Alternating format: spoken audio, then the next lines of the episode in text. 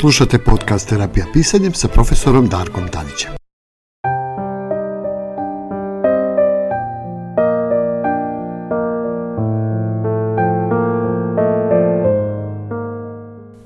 Dobro došli u najnoviju epizodu podcasta Terapija pisanjem. Današnja tema nam je kakvi su ti misli, takav ti je i život. To je jedan od osnovnih temelja i koncepata terapijskog pisanja. Kada upoznamo način kako mislimo, tada možemo da definišemo i naše emocije, a zatim i ponašanje. I što je još važnije, da ih promenimo. Da vidimo kako. Koliko puta ste čuli izreku kakve su ti misli, takav ti je život. U brojne i brojne varijacije na tu temu. Pa ipak mnogi ljudi koji se muče sa životnim problemima, negativnim emocijama, anksioznošću, depresijom ili stresom, kao da zaboravljaju ovaj jednostavan zakon univerzuma. Zakon akcije ili kako je nekad popularno bilo zakon karme. A zakon karme je praktično najjednostavniji princip, uzrok i posljedica. Kod nas u našim krajevima i u nekim našim filozofskim konceptima života to je ona čuvena rečenica što poseješ, to ćeš i da požanješ. Ovaj zakon nam kaže da moramo da preduzmemo određenu akciju koja podržava naše misli, emocije i reči.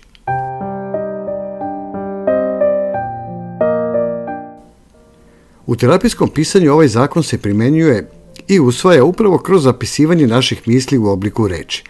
To je ključ za razumevanje kako praktično terapija pisanjem radi. S obzirom da sve počinje od misli, u najširem smislu te reči, njihova organizacija kod svakog od nas ima određeni obrazac. Definisanje, a zatim promjena ovog obrazca mišljenja je jedan od glavnih zadataka svake uspešne psihoterapije, između ostalog i bilo koje tehnike samopomoći, kao što je recimo terapija pisanja. Tehnike terapijskog pisanja su vrlo koristan način da promenimo misli i da promenimo sobstveni život. Negativni obrazci mišljenja proizvode osjećanja patnje, tuge, bola, uznemirenosti, depresije. Naše misli imaju moćan uticaj na naš svakodnevni život, uključujući naše emocije i ponašanje. S obzirom da su ovi procesi uglavnom nesvesni, vrlo je važno da razumemo kako da se borimo protiv negativnog razmišljanja, kako bi umanjili negativne posljedice. Srećom, terapijsko pisanje je jedan od načina da naučimo da promenimo navike negativnog mišljenja, tako što kroz pisanje možemo identifikovati sobstvene obrazce mišljenja, razmišljati mnogo optimističnije i izaći na kraj sa negativnim obrazcima. U terapijskom pisanju imamo više načina da primenimo ovu metodu, a jedna od njih koju ću vam danas predložiti je zapravo metoda pisanja u pet koraka. Pa da vidimo kako to izgleda.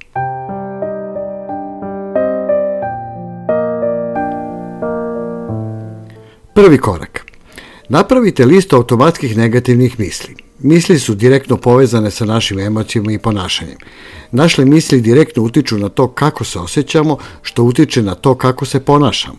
Kroz koncept asocijativnog, recimo automatskog pisanja i pravljenja liste negativnih misli povećavamo svest o sobstvenom načinu razmišljanja, čime povećavamo sposobnost da menjamo sobstvene misli u zdravije alternative.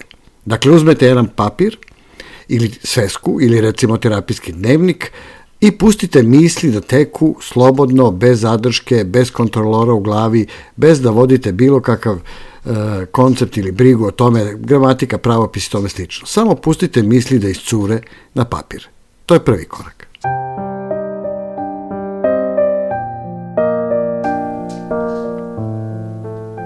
Drugi korak. U drugom koraku istražujemo obrazce negativnog mišljenja. Kada postanemo svesni odakle ovi negativni obrazci mišljenja dolaze, tada smo u stanju da identifikujemo i zašto se pojavljuju.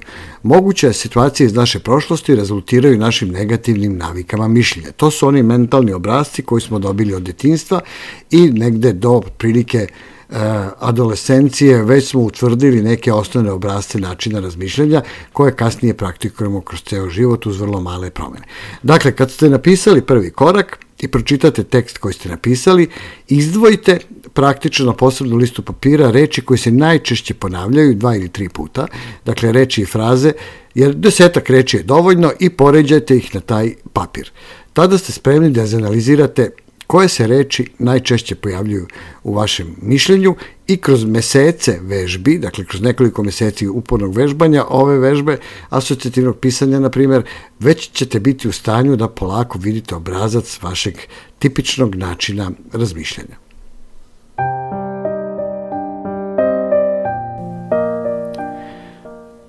Treći korak. Formiramo dakle listu obrazaca. Kada uređujemo ono što smo na, na terapiji pisali, asocijativno pisanje, terapeutski dnevnik, važno je da utvrdimo specifičan obrazac mišljenja pre nego što probamo da promenimo bilo šta. Naše automatske negativne misli se ponekad razdiju u tipične obrazce mišljenja koji se zovu osnovne uverenja. Nekada ih zovemo beskorisne navike mišljenja koje postoje u korenjenju u našem umu. Ne samo što su beskorisne, već i ne održavaju realnost i stvaraju nam brojne probleme. Ove ekstremne misli vrlo često uopšte ne uzimaju u obzir mnoge druge važne detalje u vezi događaja u našim životima i onda se pretvore u iracionalna uverenja kojih se čvrsto držimo i koje, sam, koje kao što sam rekao, stvaraju brojne probleme u sagledavanju realnosti života koji nas okružuje.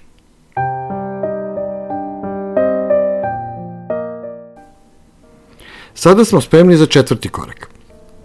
Utvrđujemo posledice. Identifikujemo zašto je određena misao negativna. To nam pomaže da shvatimo zašto određene misli zahtevaju promenu. Dakle, kada vidimo koji su obrazci prisutni u našim razmišljanjima, kroz reči, fraze ili čitave rečenice koje često ponavljamo, tipa ja sam nesposoban, ne vredi da živim, svi su drugi bolji od mene i tome slično, onda probamo da testiramo da li su te zaista misli, odnosno obrazci i uverenja koje imamo realni.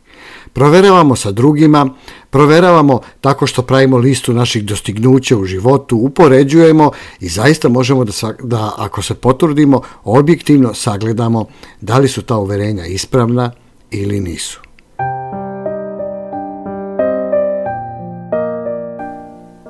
U petom koraku zapisujemo naše misli, dakle refleksiju da li smo u pravu, da li su naše uverenja istinita ili nisu.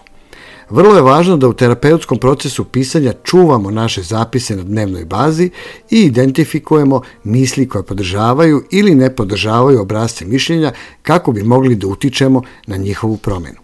Jer jednom kad postanemo svesni ovih negativnih obrazaca mišljenja, onda je mnogo lakše da ih uz odgovarajuće vežbe i menjamo.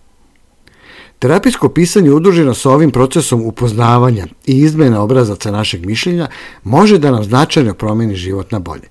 Dovoljni su vam papir i olovka i volja da počnete da radite na sebi. Ostalo prepustite pisanju, jer pisanje je vaš lični terapeut. Svakako, uvek možete doći na jednu od seansi terapijskog pisanja, prosto proveriti u radu sa mnom da li to zaista funkcioniše, odnosno shvatiti i naučiti pravi način kako da se primenjuje ova vežba. Time je pola posla gotovo. Ostalo ostaje na vama i verujem da će savršeno dobre rezultate. Kod mene je to funkcionisalo, nadam se i da će kod vas. Slušali ste podcast Terapija pisanjem sa profesorom Darkom Tadićem. Pratite nas i u sledećim epizodama na našem sajtu www.terapijapisanjem.com